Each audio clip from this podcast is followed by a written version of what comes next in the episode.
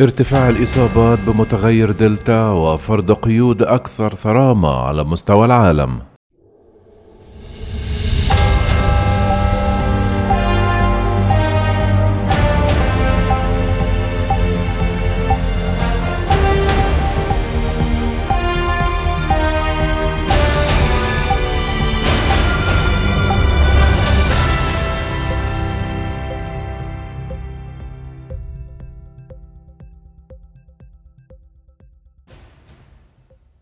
سجلت موسكو أعلى حصيلة وفيات يومية لكوفيد 19 حتى الآن حيث فرض متغير دلتا شديد العدوى قيودا أكثر ثرامة على البلدان في جميع أنحاء منطقة آسيا والمحيط الهادي كما غزي القلق المتزايد بشأن السفر لقضاء العطلات في أوروبا.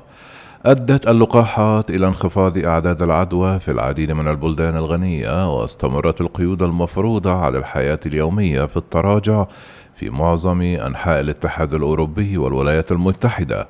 لكن الخبراء يحذرون من أن السلالة سريعة الانتشار تعني أن الوباء بينما يتباطأ على مستوى العالم لم ينتهي بعد. سجلت منظمة الصحة العالمية في نهاية هذا الأسبوع أقل عدد من الحالات في جميع أنحاء العالم منذ فبراير، لكنها حذرت من أن متغير دلتا الموجود الآن في 92 دولة يقود موجة جديدة قاتلة في بلدان من إندونيسيا إلى روسيا.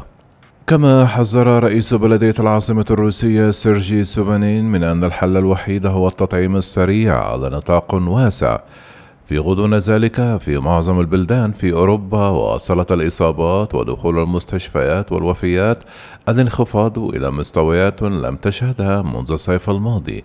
مع قيام العديد من الحكومات في نهاية هذا الأسبوع بتخفيف القيود بشكل أكبر مع تقديم حملات التطعيم الجماعية. كما أنهت أسبانيا ارتداء الأقنعة الإلزامي في الهواء الطلق كما فعلت هولندا حيث يتم تخفيف قيود تناول الطعام في الأماكن المغلقة وأعيد فتح النوادي الليلية للضيوف الذين خضعوا لاختبارات PCR. كما خفضت بلجيكا أيضا من إجراءاتها حيث سمحت بطولات من ثمانية أشخاص وضيوف في المنازل في حين تم رفع معظم القيود المتبقية في سويسرا. كما صرح خبراء الصحة بأن متغير دلتا سيكون على الأرجح السلالة السائدة في اليونان بحلول منتصف أغسطس وحذروا من أن الإغلاق المحلي الصارم قد يكون ضروريا خلال الصيف في المناطق ذات التغطية المنخفضة للتطعيم والتي تشهد زيادة في الحالات.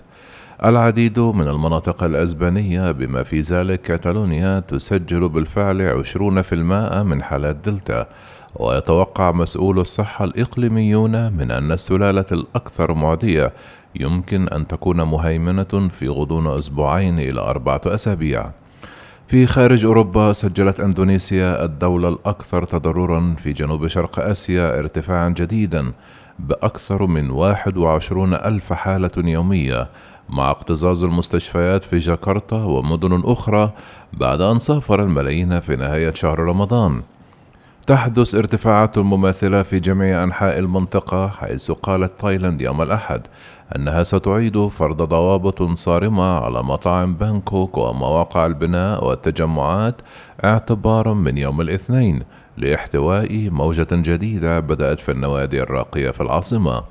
في ماليزيا المجاورة أعلن رئيس الوزراء محي الدين ياسين أن الإغلاق على مستوى البلاد لمدة شهر سيستمر إلى أجل غير مسمى بينما قالت بنغلاديش أيضا أنها ستفرض إغلاقا وطنيا جديدا اعتبارا من يوم الاثنين.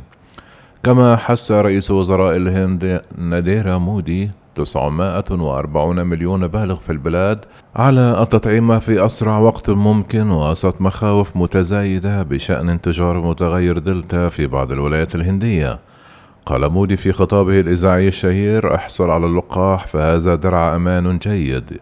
يقول الخبراء أنه يجب على الهند إعطاء عشرة ملايين جرعة يومية لتحقيق هدفها المتمثل في تلقيح جميع البالغين بحلول ديسمبر لكنها قامت حتى الآن بتلقيح أقل من 6% من سكانها بشكل كامل.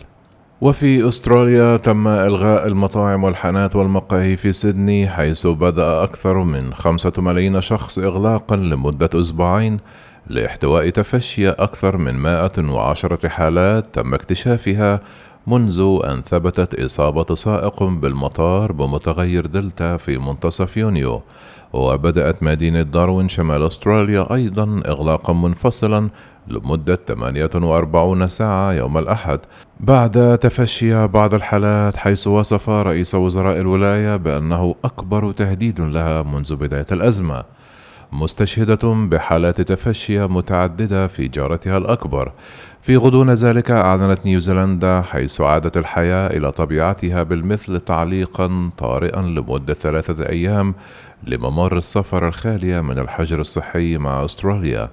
حتى البلدان التي لديها حملات تطعيم ناجحة للغاية واجهت صعوبات. فقد أعادت إسرائيل فرض شرط ارتداء الأقنعة في الأماكن العامة المغلقة بعد أن شهدت زيادة جديدة في الحالات. وفي إفريقيا قفزت الحالات بنسبة 25% في جميع أنحاء أفريقيا ككل مع جنوب أفريقيا الدولة الأكثر تضررا في القارة محذرة من أن البلاد كانت في المرحلة الأساسية للوباء.